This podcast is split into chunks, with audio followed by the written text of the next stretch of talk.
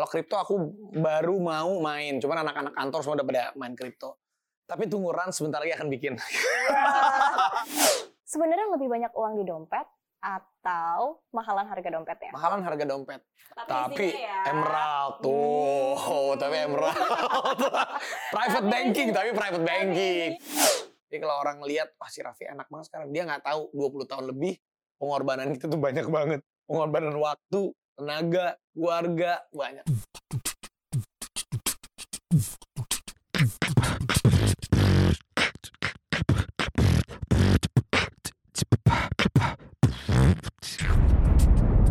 Cuap-cuap cuan. Hai Sobat Cuan semuanya, kembali lagi di podcast Cuap Cuap Cuan di segmen interview dan kali ini bersama gue Syarifah Rahma. Nah podcast kali ini spesial banget ya karena kita lagi podcast on location di rumah seorang Sultan, Sultan Andara. Nah ini mungkin udah pada bisa nebak ya kira-kira siapa sih sebetulnya narasumber kita gitu kan. Tapi kita coba dulu nih, kira-kira Sobat Cuan udah akrab belum sama suaranya? Kita tes dulu suaranya, halo. Halo. Nah, ini familiar dong pastinya ya. Sudah ada Raffi Ahmad di sini bersama Hai. kita. Sobat cuan. Iya, sobat cuan semuanya ya. Sobat cuan, sobat cuan. Betul. Dan kali ini kita akan ngobrol-ngobrol di podcast Job Job Cuan. Dan sebelumnya apa kabar sih Mas Raffi? Baik dong, alhamdulillah sehat. Oke, biasanya dipanggilnya AA ya, AA Raffi ya. Iya, Oke, jadi nanti eh, gue boleh manggilnya AA ya. boleh dong. Oke, nah sebelumnya congratulations ya, selamat atas kelahiran putra keduanya. Terima kasih. Dan kita nanti akan ngobrol ya soal em, kira-kira seperti apa sih kekayaan dari seorang sultan Waduh, Anda. Ampun. Nah, tapi kalau ngomongin eh, dijuluki sebagai sultan gitu kan, dari seorang Raffi sendiri gimana sih sebetulnya perasaannya? Sebenarnya ya awalnya sih tahu itu bercandaan orang-orang. Cuman kalau karena aku orangnya cuek, jadi ya udah diaminin aja. jadi ya siapa tahu jadi berkah jadi doa. Amin. Jadi sultan beneran ya. Nah, Amin. amin. Nah, tapi kan yang mungkin banyak orang nggak tahu itu adalah eh, bahwa Raffi ini adalah seorang pekerja keras gitu kan. Tapi sebetulnya tidurnya berapa jam satu hari? Aku udah biasa banget tidur 3 jam, 4 jam kisaran itulah. Jadi dari dulu, dari umur aku 14-15 tahun saat udah syuting-syuting, zaman dulu tuh syuting lebih lama lagi. Ya. Kadang kita selesai jam 2 pagi, jam 1, jam 3, jam 7 paginya udah sekolah. Saat aku udah lu- lulus sekolah, jam 7 paginya dahsyat. Jadi Hmm. ya udah terbiasa gitu, udah hampir 20 tahun aku selalu kalau nggak tidur 4 jam kisaran itu bangunnya udah pasti jam 6 itu udah alarm bangun tidur. Jadi kalau orang ngelihat wah si Raffi enak banget sekarang, dia nggak tahu 20 tahun lebih pengorbanan kita tuh banyak banget. Pengorbanan waktu, tenaga, keluarga, banyak. Oke, tapi kalau udah berkeluarga kayak gini gitu kan, ada nggak sih perasaan-perasaan, aduh kok kayak gue kurang waktu nih sama keluarga kayak gitu? Nah, aku udah bilang sama Gigi, aku tuh workaholic. Cuman aku pun nggak akan bablas. Dengan sekarang apa yang kita bina, apa yang kita bangun, company runs, yang mudah-mudahan bisa lebih besar lagi. Aku udah bilang sama Gigi, ya nanti ya aku udah kerja dari umur 13-14 tahun sampai umur 35 tahun aku as artis gitu. Mungkin sekarang kasih waktu aku lima tahun lagi, aku kerja mudah-mudahan di umur 40 ya company-nya udah besar dan nanti aku kerja bukan pakai badan aku lagi tapi udah pakai company, udah pakai vehicle yang lain. Oke, ngomongin soal tadi eh, kelahiran anak kedua gitu kan, kemarin tuh aku tuh sempat ya nonton video YouTube-nya yang bilang kalau misalnya penghasilan dari Rayanza baru lahir satu minggu, ini sama kayak penghasilan dulu Arafi ketika berkarir 10 tahun Wah. pertama. Bener gak sih? Iya dulu kan waktu awal karir 10 tahun kan memang honornya masih kecil gua.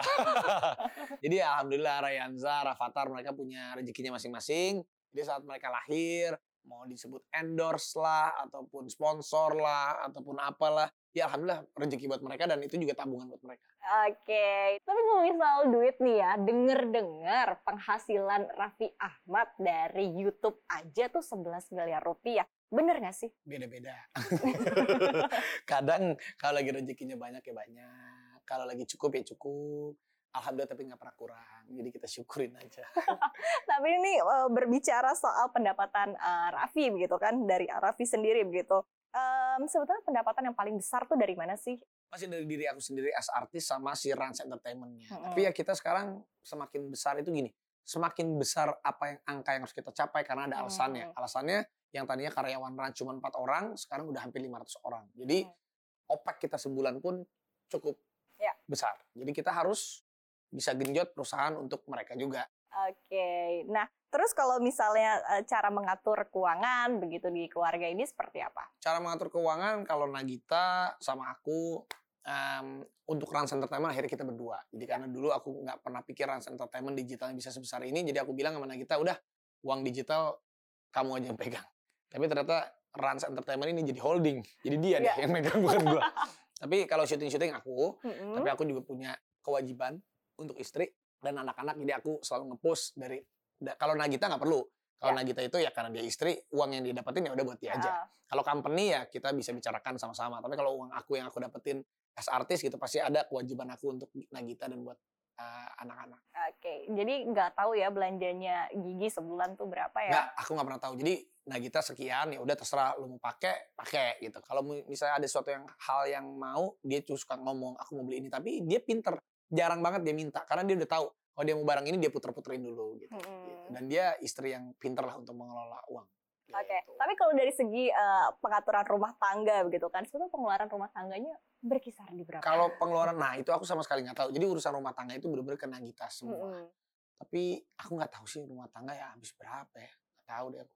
Bener-bener aku nggak nggak tahu sama sekali. tahu. Berarti bendaharanya Gigi. Hmm, ya ada lagi, ada orang lagi gitu. Jadi ya udah. Hmm, kisaran berapa ya? Nggak tahu juga sih aku. Kalau rumah tangga berapa ya aku nggak ngerti deh. Jadi bener-bener ya, eh, sama sekali nggak tahu, sama sekali. Nggak tahu. Kalau itu bener-bener udah aku serahin ke Nagita aja. Oke, nah kira-kira preferensi investasi dari seorang Raffi Ahmad seperti apa sih? Raffi lebih pilih investasi emas atau properti? Sebenarnya nggak ada pilihan di situ bisa. Antara dua ini lebih pilih mana? Properti atau emas? Ya. Sebenarnya aku dua-duanya nggak main. Cuman properti lah. Oke. Kalau nggak main, tapi seorang Arafi eh, banyak gitu yang tahu kalau bisa rumah itu banyak gitu. Nah, Nah. menganggap properti itu sebagai investasi atau bukan sih? sebenarnya bisa dijadikan investasi tapi aku sendiri beli mah beli aja beli beli aja diemin jadi bukannya memang bukan aku sengaja mau beli untuk aku jual lagi Hmm. kalau properti itu biasanya aku beli ya udah aku simpen aku simpen sampai nanti harganya naik ya udah jadi nggak pernah jarang banget aku bukan bukan bisnismen di properti gitu. Ya. Terus udah ngerasain belum sih sebenarnya cuan? Karena kita ketahui bahwa dulu beli rumah di Andara gitu kan, mungkin dulu harganya masih berapa sih? Tapi Iya. sekarang kan udah ada tol, kemudian juga pasti harganya juga udah naik gitu. Nah, sebenarnya dulu beli harga rumahnya kira-kira di kisaran berapa dan sekarang keuntungannya nih kalau di- dijual nih Banget. sekarang berapa? Kalau untuk masalah eh, rumah, itu dia. Aku dulu beli rumah pertama ada bangun di daerah KS Tubun, di Lebak Bulus, sama di sini di Andara, sama ada beberapa juga sih di BSD dan lain-lain. Tapi karena memang niatnya aku bukan investasi, emang beli buat aku simpen. Tapi semua jadi pada naik semua karena memang naiknya ya lebih dari lima tahun. Kayak contoh di rumah di Lebak Bulus dulu itu beli rumah yang pertama. Maksudnya kalau yang di KS Tubun tuh tanahnya tanah nenek saya tuh saya bangun rumahnya. Hmm. Tapi itu pun naik. Tapi kalau yang di Lebak Bulus dulu beli 300 meter, dulu beli 2M, 2,4 M. Sekarang harganya di situ ya 300 meter udah 8 M-an kisaran. Jadi kita udah naik. Itu udah naik 4 kali lipat. Rumah ini nih, rumah Andara ini dulu yang ini tuh 1000 meter yang pertama ini ya sama, udah sama isi-isinya. Bukan sama isi-isinya maksudnya udah udah udah sama eh, Interior tapi lah, belum belum ya. marmer dan lain-lain lah. Ya dulu 1000 meter itu di 7M lah. Sekarang ya dulu nggak masih. Sekarang di sini emang bangunannya tuh udah 30 juta, 25 juta sampai 30 juta per meter.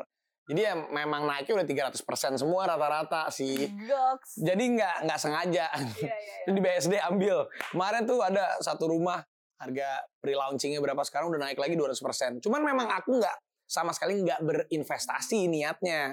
Ya, tapi kalau investasi yang buat aku yang paling berharga ya investasi diriku sendiri. Karena aku kerja menggunakan badanku sendiri. Ya.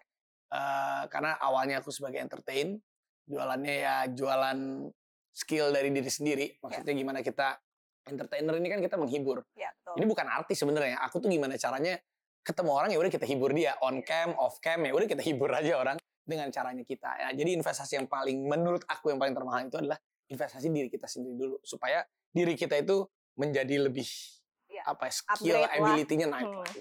Dok, tapi tadi menarik ya, maksudnya nggak niat investasi aja, tapi emang Iya. rezekinya sultan sih ya. Emang nggak sengaja dulu di rumah ini. sengaja. Ini dulu tempat juga- jin buang anak, maksudnya kayak tanahnya Itu kecil. dia, Sekarang ada benar. tol, tol udah naik ya empat kali lipat. Iya. Pastinya. Jadi cuman ya itu, aku memang nggak pinter, orangnya nggak sabar. Aku tuh bukan orang yang ah tahun depan dua tahun lagi naik. Nggak, nggak bisa. Kalau aku tuh kalau untuk bisnis mendingan aku cari bisnis yang memang ada Cepat hitung-hitungannya ya, cuannya ya. cepat depan. Jadi kalau untuk properti bagus untuk investasi, tapi aku tidak pernah menjadikan ini untuk bisnis. Iya. Jadi untuk benar-benar invest saja. Sama halnya dengan emas. Kayak nggak tahu Gigi main emas atau kalau aku nggak main emas sama sekali. Oke. Nah, tadi cuannya asal cepet gitu kan. Nah, kalau misalnya ngomongin cuan cepet, lebih pilih saham atau kripto? Sejujurnya aku belum terlalu main dua-duanya. Gigi tuh main. Aku tuh orang yang termasuk konvensional, Hmm. tapi aku orangnya digital banget. Tapi untuk saham baru aku main. Hmm. Ya saham juga lumayan, lumayan cepat tapi aku baru banget turun. Kalau kripto aku baru mau main. Cuman anak-anak kantor semua udah pada main kripto. Tapi tunggu Ran sebentar lagi akan bikin. Tapi ini kita tahan dulu ya Oke. sampai segmen terakhir ya. Siap. Nanti kita akan bahas Siap. soal nanti uh, visionnya dari Rans Entertainment seperti apa. Tapi kalau misalnya kita balik lagi soal cuan gitu kan. Hmm. Tadi uh, dibilang bahwa belum terlalu main gitu kan. Tapi udah pernah belum sih merasakan cuannya dari Saham, saham? udah. Aku kemarin saham untungnya bisa 300% juga. Iya, rezeki emang rezeki. ya? Aku tuh rezeki. Jadi gini kalau emang rezeki juga belajar, tapi aku tuh orangnya apa ya selalu mencari yang low risk apa pun Hmm. itu. Jadi kalau misalnya ada bisnis baru, tergantung yang ngajakin ya. Kalau yang ngajakinnya punya portfolio baik ataupun ada success story, pasti aku ikut. Tapi kalau yang ya untuk bisnis ya, Hmm. bukannya kita pilih-pilih. Kalau teman aku nggak pilih-pilih sama sekali. Tapi kalau untuk masalah bisnis, aku pasti cari itu. Oke. Nah, kalau milih sahamnya nih ya bisa sampai cuan 300% begitu. Apakah memang melihat fundamentalnya Hmm. atau melihat isunya yang lagi tren atau justru udah mulai belajar-belajar gitu kan lihat chartnya gimana sih? nomor satu fundamental dulu itu paling penting setelah itu juga ya kita juga harus pinter-pinter juga sih duduknya ngeliatinnya juga harus pinter-pinter juga aku juga baru banget belajar saham sekarang juga mau belajar ke kripto cuman ya memang itulah kita harus bisa beradaptasi dengan zaman zaman dulu mana bisa ada saham ada kripto nggak ada sekarang belum lagi ada NFT belum lagi ada yang lain-lain jadi memang kita paling penting itu beradaptasi dalam keadaan apa pun Oke, pilih saham-saham yang fundamentalnya bagus. Maksudnya blue chip ya atau gorengan. aku sih yang fundamentalnya bagus Oke. Kalau yang gorengan juga it's okay, tapi main cepet aja. Gitu dia. Pokoknya semua ya Semuanya kita mainin Pokoknya aja, apa-apa. bisa menghasilkan cuan gitu. Nah, tapi kalau misalnya ngomongin soal eh, investasi ya, kadang kan banyak juga orang yang menganggap kalau misalnya mobil mewah, Hmm. terus tas-tas branded, ini kan adalah sebuah investasi. Kalau seorang Raffi begitu melihatnya, apakah mobil-mobil mewah ini adalah investasi? Ada tanda kutip. Sebenarnya mobil-mobil mewah yang klasik bisa juga pinter-pinternya sih sebenarnya. Ada dua investasinya. Investasi untuk lifestyle, Hmm. investasi untuk tabungan. Contoh, misalnya banyak juga mobil-mobil yang kalau kita ngerti rare-rare items mobil, motor yang memang akan naik, ya kita bisa simpan itu. Sama halnya dengan beli rumah sebenarnya. Hmm. Jadi kita nggak bisa beberapa bulan naik, itu nggak bisa. Ada mobil-mobil aku juga yang ya yang naik turun atau yang stay ataupun yang naik juga ada.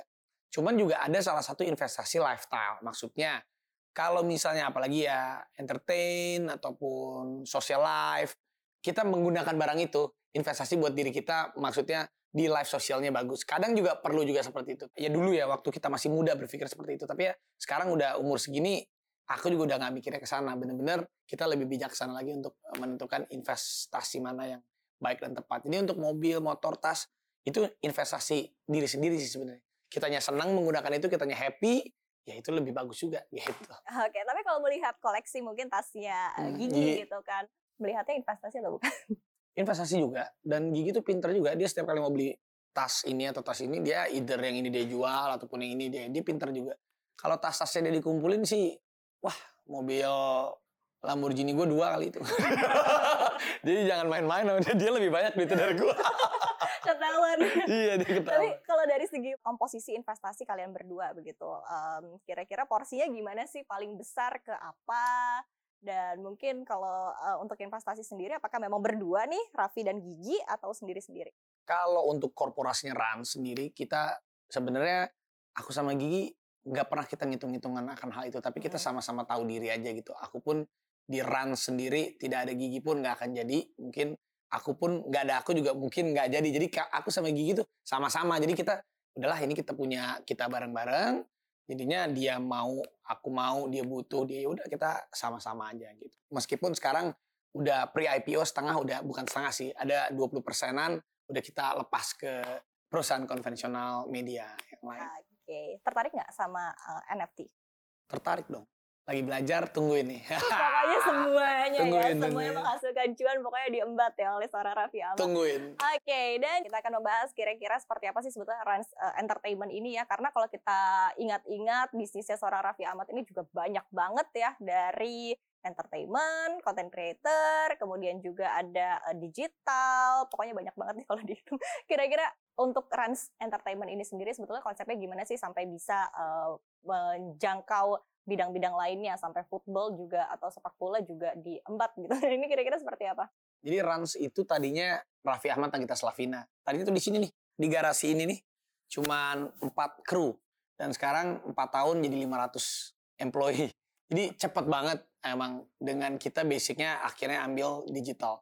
Tapi yang sekarang Rans PR aku adalah gimana caranya aku lagi memperkenalkan Rans itu udah sekarang udah korporasi bukan Raffi Ahmad Nagita Slavina lagi. Karena sekarang sudah pre-IPO, sudah ada perusahaan yang masuk juga, dan rencananya pinginnya go public nantinya. Pelan tapi pasti. Jadi Rans ini aku lagi coba membuat dari entertainer to entrepreneur ceritanya, dari content creator to media creator, dari personal branding to corporate branding. Jadi yang lagi kita lakukan ini tuh sekarang adalah ini. Jadi Rans Entertainment-nya di atas, setelah itu kita ada digital, ada live shopping, ada sport, ada e-sport, ada lifestyle. Lifestyle kita juga ya seperti contohnya kita bikin juga di PIK 2 lagi mau bikin sports statement ada tiga hektar. Jadi di situ bisa basketballnya run sama tim footballnya run bisa entertain di sana dan latihan di sana juga. Tapi di situ kita bikin jadi bisnis center sports statement uh, yang menjadi lifestyle. Terus juga di depannya ada zoo zoo city zoo juga kita bikin city zoo itu yang yang lifestyle juga. Jadi intinya sebenarnya Rans itu adalah family market, family market yang memang lifestyle, oh, entertainment, e-sport, sport seperti itulah kita bikin. Gitu. Oh, nah targetnya nih untuk IPO di tahun 2022 ini kan? Ya, kita berdoa. Kalau itu kita berdoa pengennya sih, tapi kan kita kencangkan eh, fundamentalnya dulu. Targetnya di semester 1 atau semester 2? Aku nggak bertarget karena buat aku gini bedanya aku sadar bahwa aku sama Nagita ini bisa begini juga karena publik. Hmm. Karena maksudnya ya kita dari entertain, kita karena publik kita begini. Nah perusahaan kita nih sebenarnya ini adalah legacy buat aku dan Nagita. Rans itu adalah Raffi Ahmad Nagita Slavina dan ya. ini akan menjadi legacy dan aku nggak mau ini menjadi terburu-buru karena terburu-buru waktu atau terburu-buru gengsi atau enggak buat aku kita slowly but sure aja karena Rans ini akan menjadi legacy aku buat aku dan Nagita ya kalaupun aku bisa bikin perusahaan lain, tetapi mungkin tidak akan se legacy ini buat ya, aku. Jadi tidak akan sebesar ini langsung. Pelan-pelan gitu. Karena ini udah hidup matinya aku ya di Rans ya. ini. Oke. Nah, udah ada kebayakan belum sih kira-kira ya dengan IPO ini sebetulnya target target-target untuk raihan dana yang bisa dijadikan modal untuk Rans Entertainment gitu kira-kira? Sejujurnya Rans Entertainment itu kita alhamdulillah karena digital. Ya maksudnya kita bukan perusahaan yang di atas cuman di atas kertas aja. Benar-benar kita alhamdulillah hijau. Hijau dalam arti kata profitabilitas kita baik gitu karena ya tetap masih menggunakan aku dan Nagitanya gitu sebagai congornya. Jadi ya pelan-pelan ini yang aku mau mundurin. Jadi nanti Raffi Ahmad Rans itu Raffi Ahmad Nagita Slavina di belakang, tapi nanti vehicle vehicle di depan. Zoo dan lain-lain dan lain-lainnya. Kayak kemarin sih alhamdulillah saat kita pre-IPO mendapatkan apa ya ya divaluasikannya perusahaan kita baik lah. Buat aku sih kaget juga aku divaluasikan segitu. Mudah-mudahan pas IPO bisa dua kali lipat lah kira-kira. Amin. amin. Nanti kita lihat ya. Siap. nanti pokoknya udah siap mudah deh meliput ya kalau misalnya uh, Rans Entertainment ini IPO pokoknya udah iya, siap deh. iya, makanya. nah terus kalau ngomongin soal uh, tadi ya untuk dari segi perusahaan sendiri kan akan bikin lebih korporasi begitu. Kita ketahui juga bahwa uh, Kaisang juga menjadi komisaris dari Rans Entertainment ini sendiri. Nah, ini kenapa Kaisang yang dipilih? Apakah karena title-nya gitu sebagai anak presiden atau seperti apa? Jadi gini, aku selalu berpikir ini Indonesia itu adalah salah satu bangsa yang sangat besar dengan beberapa generasi yang sangat banyak marketnya. Jadi aku sendiri akan menggandeng teman-teman yang potensial sesuai dengan generasi itu generasinya. Misalnya di Rans Entertainment ada nanti yang usianya 50, jagoannya umur 50 50 tahunan, ada 40 tahunan, ada 30-an ya saya sama Nagita. 20-an ya Mas Kaisang. Hmm. Karena menurut saya Mas Kaisang salah satu bukan karena beliau sosok anak presiden yang saya lihat di di bisnis FMB-nya dia sangat ya. hebat, bagus dan dia juga industri kreatifnya dia jalan juga ya. pas dengan Rans yang memang kita mau menggerakkan juga FNB-nya kita ya dengan adanya Mas Kesang butuh juga aku uh, suntikan generasi di usianya Mas Kaisang. Karena kan Iya. Mas Kaisang di 20 tahunan, saya kan udah mau 35 ke atas Iya. gitu. Jadi kita harus memang mencari sosok-sosok yang bisa menjembatani generasi to generasi agar kita tergabung gerbongnya. Iya, apalagi juga secara bisnis juga ya udah well known ya, udah terasah juga Karena Ran gitu sendiri kan. basicnya bukan di food and beverage. Jadi kita ya Mas Kaisang dia lebih lebih tahu dan timnya dia lebih tahu. Jadi ya dia bisa mengarahkan Oke. kita ke sana. Selain Kaisang sebagai komisaris, sebetulnya orang-orang di balik Rans Entertainment, investornya, begitu in the future ada siapa aja sih? Sebenarnya belum aku boleh ngomongin sih. Cuman ya ada beberapa sosok Bocoran-bocoran sedikit ada beberapa aja. sosok yang nanti kita akan announce sih mungkin di akhir Januari atau di awal Februari ini. Cuman kalau beberapa investor-investor sih ya jelas yang kemarin kita udah no- announce tuh em, ada SCM, SCM Mhm. adalah anak perusahaannya dari MTech. Ya. Eh, masuk cukup strategik juga di Rans. Ada juga beberapa personal ya seperti Pak Peter Tanuri, ada Pak Pandu Syahrir dan dan grupnya, ada juga Pak Alvin sendiri, Pak Alvin dan Pak Adi, ownernya MTech juga ada masuk. Ada beberapa nama juga yang ya jangan disebutin sekarang. Tapi ya kita juga sambil menunggu ada beberapa eh, investor dari luar negeri juga yang lagi kita eh, coba jajaki. Jadi yang sekarang PR-nya tuh memang sosialisasinya ke masyarakat bahwa Rans itu bukan digital, bukan YouTube aja. Bukan YouTube, bukan Raffi Ahmad Gita Slavina, tapi kita berdiri dengan fundamental vehicle, vehicle, family market, lifestyle, entertainment, sport, and e-sport. Oke, berbicara tadi soal sport begitu kan, yang menarik juga dan menjadi headline sekarang juga soal Rans Cilegon FC juga gitu kan. Kemudian ada juga basketballnya juga. Ada animasi juga. Ada animasi juga. Kita animasi udah 250 Iya. karyawannya. Banyak juga sih. Nah, kalau di bidang olahraga sendiri gitu kan, eh, awal mulanya sampai kepikiran, oke kita ubah deh eh, Cilegon FC gitu kan, jadi Rans Cilegon FC. Nah ini kira-kira seperti apa sih sebetulnya? Oke, jadi ini yang membuat tantangan buat aku bahwa sport Indonesia itu sebenarnya sangat luas, sangat besar. Apalagi sepak bola itu adalah pesta rakyatnya orang Indonesia. Cuman rasa-rasanya kalau aku lihat klub-klub di luar negeri, sports and entertainment itu udah bersatu. Sport, entertainment, dan lifestyle-nya sudah bersatu. Mungkin itu yang aku lagi coba terapkan. Mungkin Rans, kita memiliki keunggulan di dunia digitalnya, di entertainnya. Dan aku juga masih banyak belajar sama tim-tim senior. Jadi sepak bola Rans ini kita akan hidupkan bukan hanya sportnya aja tapi entertainment and lifestyle-nya. Jadi kayak contoh, em, kita bikin animasinya Rans Junior. Jadi Rafathar dan lain-lain animasinya hidup. Dia ceritanya kayak Kapten Subasa gitu lah. Strikernya dari Papua, ini dari Jawa. Mereka gimana caranya kalah itu ya harus besar hati, harus kayak begitu-begitu dan banyak lifestyle and entertainmentnya dari bola yang bisa kita garap tapi tetap nomor satu adalah prestasi. Kayak kemarin, alhamdulillah Rans bisa masuk Iya, ke Liga 1 Liga 1. itu juga salah satu pencapaian yang luar biasa saya appreciate juga sama semua tim Rans ini sangat luar biasa dan kita juga pengen industri sepak bolanya maju Ya. maju ya bisa ada salah satu Bali United sudah IPO duluan Iya. dan membuat eh, mekanisme dan juga fundamental dia menjadi lebih kuat dan kita pun pingin bukan hanya satu dua tim aja Ya. kalau bisa semua tim pun bisa memiliki manajemen yang sehat untuk industri sepak bola Indonesia yang lebih baik Tapi kan kalau ngobrolin soal manajemen secara industrinya juga kan memang kita ketahui bahwa industri sepak bola ini lebih susah kan. Mungkin dari segi penghasilannya juga, Iya. begitu apalagi di masa pandemi kayak gini. Nah ini kira-kira strategi-strategi yang dilakukan gimana? Jadi gini, jadi banyak yang bilang Raf lu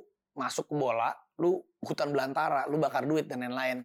Iya bener, tapi kan kita harus pinter-pinternya. Se- secara manajerial setiap tim, setiap company kan berbeda. Jadi akhirnya Rans kemarin menggabungkan untuk secara struktural bisnisnya kita adalah Rans FC X Rans Entertainment. Jadi baju-baju yang ada di Rans FC, Rans Cilegon FC ini ada beberapa sponsor nama-nama besar Hmm. ya itu kita bundling dengan Oke. digital medianya kami. Jadi bukan hanya ada di baju dan bukan hanya di aktivasi off air-nya aja, tapi di on air-nya, di digitalnya kita kasih itu. Oke. Jadi itu mungkin keunggulannya dan dan Raffi Nagita Rafatarnya akan semi semi support as semi brand ambassador brand itu. Jadi banyak benefit-benefit yang yang bisa didapatkan oleh klien saat mereka bermitra dengan kita. Itu salah satu strategi kita. Makanya banyak yang bilang nyari cuan di bola susah memang susah, tapi seenggaknya eh, aku mencoba untuk bisa bisa ngekick Ya. bahwa bola itu susah. Enggak bisa kok. Ada peluangnya. Apalagi kalau semua tim maju pasti akan bisa. Karena kalau di luar negeri itu saking huge-nya satu satu Iya. nama itu Penuh. kalau di luar negeri itu satu doang. Satu doang udah bisa mengcover semuanya. Cuman kan di sini karena belum industrinya. Tapi saya yakinin industri kita akan maju kok. Makanya sama-sama senang juga ada beberapa pengusaha-pengusaha yang udah mulai berani investasi. Ini ya Mas Kaisang ikut, kemarin Atta Halilintar ikut. Iya. Beberapa nama-nama yang memang membuat publik percaya Iya. bahwa sepak bola itu bisa ya bukan maaf nih bukan kayak dulu kan wah sepak bola banyak mafianya ininya ya itu bikin pengusaha takut masuk tapi dengan adanya ini kita bersama-sama kita kolaborasi kita bareng-bareng kita patahkan itu harusnya sepak bola Indonesia bisa maju Oke. Ini menarik ya, tampaknya optimis gitu ya bahwa memang uh, akan sukses begitu ya Rans Cilegon FC. Dan Bismillah aja harapkan, kita. Iya, dan kita harapkan uh, seperti yang lain-lain ya yang dilakukan oleh Mas Amin. Raffi kan sebenarnya sukses ya. Nah kalau misalnya kita bahas lagi begitu ya soal uh, segala bisnis yang udah dijalankan oleh seorang Raffi Ahmad begitu. Sebetulnya yang paling berkontribusi besar untuk uh, Raffi dan juga Nagita itu bisnis yang dari mana? keluarga karena kita kita berasal dari sosok contohnya nih em, aku belajar dari Arnold Schwarzenegger Ya. Arnold Schwarzenegger dia sukses long lastingnya dengan Terminator Ya. saat dia main film Terminator dari semuanya sosok eh, kenal sosoknya dia sebagai Terminator Sylvester Stallone kenal dia sebagai Rambo nah di Indonesia ini banyak yang nggak yang nggak berpikir bahwa dirinya sendiri tuh kalau memang kita ada popularity, kita entertainnya ada, entrepreneurnya ada, diri kita tuh bisa kita menjadikan IP. IP-nya itu bisa kita kenang seumur hidup. Jadi aku tuh pingin sekarang ya 25 tahun perjalanan karirku udah cukup panjang. Belum tentu juga aku umur 40 Ya. tahun masih high guys, high Ya. guys atau bagaimana karena kita nggak akan bisa melawan waktu dan generasi-generasi yang baru. Tapi ya Ya. mungkin itu nanti akan dihidupkan dengan IP animasinya, si Ranses sendiri, bolanya, basket dan Tapi lain-lain. sejauh ini kalau dari perusahaannya gitu kira-kira yang mana? Perusahaannya ya holdingnya itu Iya. yang runs entertainment Indonesia. Ah, Oke. Tapi ya sebagian 80% profitnya kita setahun tuh bisa di atas 70% karena masih menjual akun Nagita dan Rafathar gitu. loh. Oke. Tapi menggunakan medianya si Rans Entertainment. Oke, nah Arafi sekarang gue mau ajak Arafi main games. Siap. Namanya adalah Games Jawab Cepat. Challenge Jawab Cepat. Jadi harus dijawab dengan cepat. Kita mulai dari sekarang. Siap. Enakan jadi artis atau pebisnis? Bisnis aja deh dulu sekarang. Sekarang kalau dulu artis. Oke, in the future? Pebisnis yang hobinya jadi artis gitu gitu. boleh, boleh, boleh, boleh. Jadi dua-duanya ya tetap karena ya. nggak bisa nggak bisa dihilangin banget karena aku tuh dari entertainer ke entrepreneur Hmm, dan hmm. saat aku jadi entrepreneur pun jiwa entertainernya nggak bisa dihilangin. Oke, tapi sejauh ini cuannya lebih cuan jadi artis atau jadi pebisnis? Nah, jadi tadinya kan di artis. Nah, saat ke bisnis, jadi bercuan karena pebisnis yang punya backgroundnya artis. Jadi itu sangat membantu banget untuk lini-lini bisnisnya, terutama di marketingnya. Oke, jadi inline ya dua-duanya. Oke, pertanyaan berikutnya. Satu job tapi cuannya gede atau banyak job tapi cuannya biasa aja? Aku lebih seneng dulu ya. Kalau dulu waktu aku masih muda banget, aku lebih seneng banyak job tapi cuannya oke. Karena supaya kerannya Itu banyak. dua-duanya dong. Maksud aku cuannya nggak gede-gede banget, tapi Oh, banyak. iya. Karena aku kerannya supaya ba- banyak kerannya. Hmm. Tapi kalau sekarang ya karena mungkin udah usia juga ada kepentingan-kepentingan lain ya udah kan cari yang paling efektif, cari yang paling gede aja cuan. Oke. Next question. Investasi atau nabung konvensional? Investasi atau nabung? Konvensional, nabung di bank gitu. Nah, sekarang sih udah investasi lah. Investasi banyak caranya kan. Oke, preferensi investasinya apa? Ya sekarang kan bisa di saham, baru kita belajar-belajar di sana, ada eh, kripto, ada apalagi banyak sih. Jadi banyak cara-cara baru untuk berinvestasi, yang penting kita bisa beradaptasi dan belajar. Oke, pokoknya apa pun yang bisa menghasilkan cuan pokoknya diincar ya, diambil ya, diembat gitu. Betul. Oke, next question. Harta, tahta, atau keluarga? keluarga dulu, keluarga, em, harta baru tahta. karena karena buat aku keluarga itu nomor satu karena dulu mungkin aku tulang punggung keluarga. Jadi dari dulu dari pertama kali aku dapat honor sampai umur aku 23 tahun itu uang aku selalu kasih buat keluarga. Jadi aku kasih ke mamaku, nanti mamaku yang transfer. Sama halnya dengan sekarang, apa yang aku kerja ya buat keluarga. Jadi keluarga itu nomor satu. Kalaupun nggak ada keluarga aku yang sekarang ini nggak ada Gigi, nggak ada Rafathar, nggak ada Rayanza, nggak ada Mama Ami, nggak ada Mama Rita, mungkin Rans tidak akan tercipta. Ya. Setelah itu harta. Ya setelah kita fokus di keluarga, ya setelah itu harta kita kelola dengan bijaksana. Karena harta itu juga bisa buat kita gila.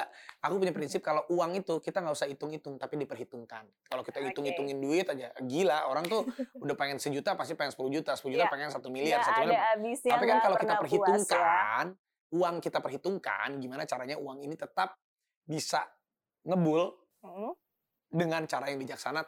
Ya usia orang kan yang tadinya produktif jadi semi produktif jadi non produktif. Jadi saat kita di usia non produktif, uang itu tetap ke Iya. kita. Oke, nah ngomongin soal uang, sebenarnya lebih banyak uang di dompet atau mahalan harga dompet ya? Mahalan harga dompet, tapi cashnya ya. Iya, coba boleh lihat nggak sih? Gue tuh nggak pernah punya uang cash. Uang cashnya. Sumpah, aku Satu tuh peser pun? Nggak. Receh pun? enggak, Nggak ada Nggak ada. pun? nggak ada. Tapi, Tapi ya. emerald tuh, Hmm. tapi emerald. private Tapi banking, tapi private banking. Tapi private banking. tapi private banking. Tapi private Tapi banking. bayar parkir nggak bisa ya? Itu selalu asisten. Oh. Jadi aku tuh nggak jeleknya nggak punya duit sama sekali. Jelek banget cashless aku tuh. Challenge Jawab Cepat Oke, pertanyaan terakhir. Your wildest dream yang masih belum tercapai saat ini. Bingung aku kalau ditanyain mimpi karena aku tuh orangnya mimpinya banyak, mimpinya berubah, mimpinya berjenjang. Atau udah tercapai semua? Tapi bersyukurlah kalau mimpinya aku pengen di umur 40 tahun kalau orang bilang life begin at 40 kalau aku life happy start from 40. Jadi umur 40 tuh gue udah nggak pusing, udah semuanya aman, udah semuanya ini ya Udah shooting tidur lebih dari 4 jam ya? shooting adalah hobi, jadi bisa tetap passion juga, Oke. bisnisnya jalan semua. Oke, thank you banget Raffi. Thank you, Ibu Iva, terima Raffi. kasih. Thank you banget sudah bergabung ya Sama-sama. sama kami. Iya, itu dia tadi Sobat Cuan, bincang-bincang seru gue bersama dengan Raffi Ahmad di podcast kali ini. Semoga ya ceritanya dari seorang Raffi Ahmad ini bisa menginspirasi Sobat Cuan semua untuk terus berjuang mencapai target dan juga tujuan kalian. Dan supaya semakin menginspirasi, jangan lupa ya untuk terus dengar konten-konten menarik kita di podcast Job Job Cuan dan juga bisa dengerin di Spotify, Apple Podcast, dan juga Google Podcast. Dan jangan lupa follow Instagramnya di @cuap underscore cuan dan subscribe juga di YouTube channelnya di cuap cuap cuan. Oke, kalau gitu gue dari Parama pamit. Dan gue Raffi Ahmad, terima kasih Sobat Cuan. Bye bye. Bye-bye. Thank you.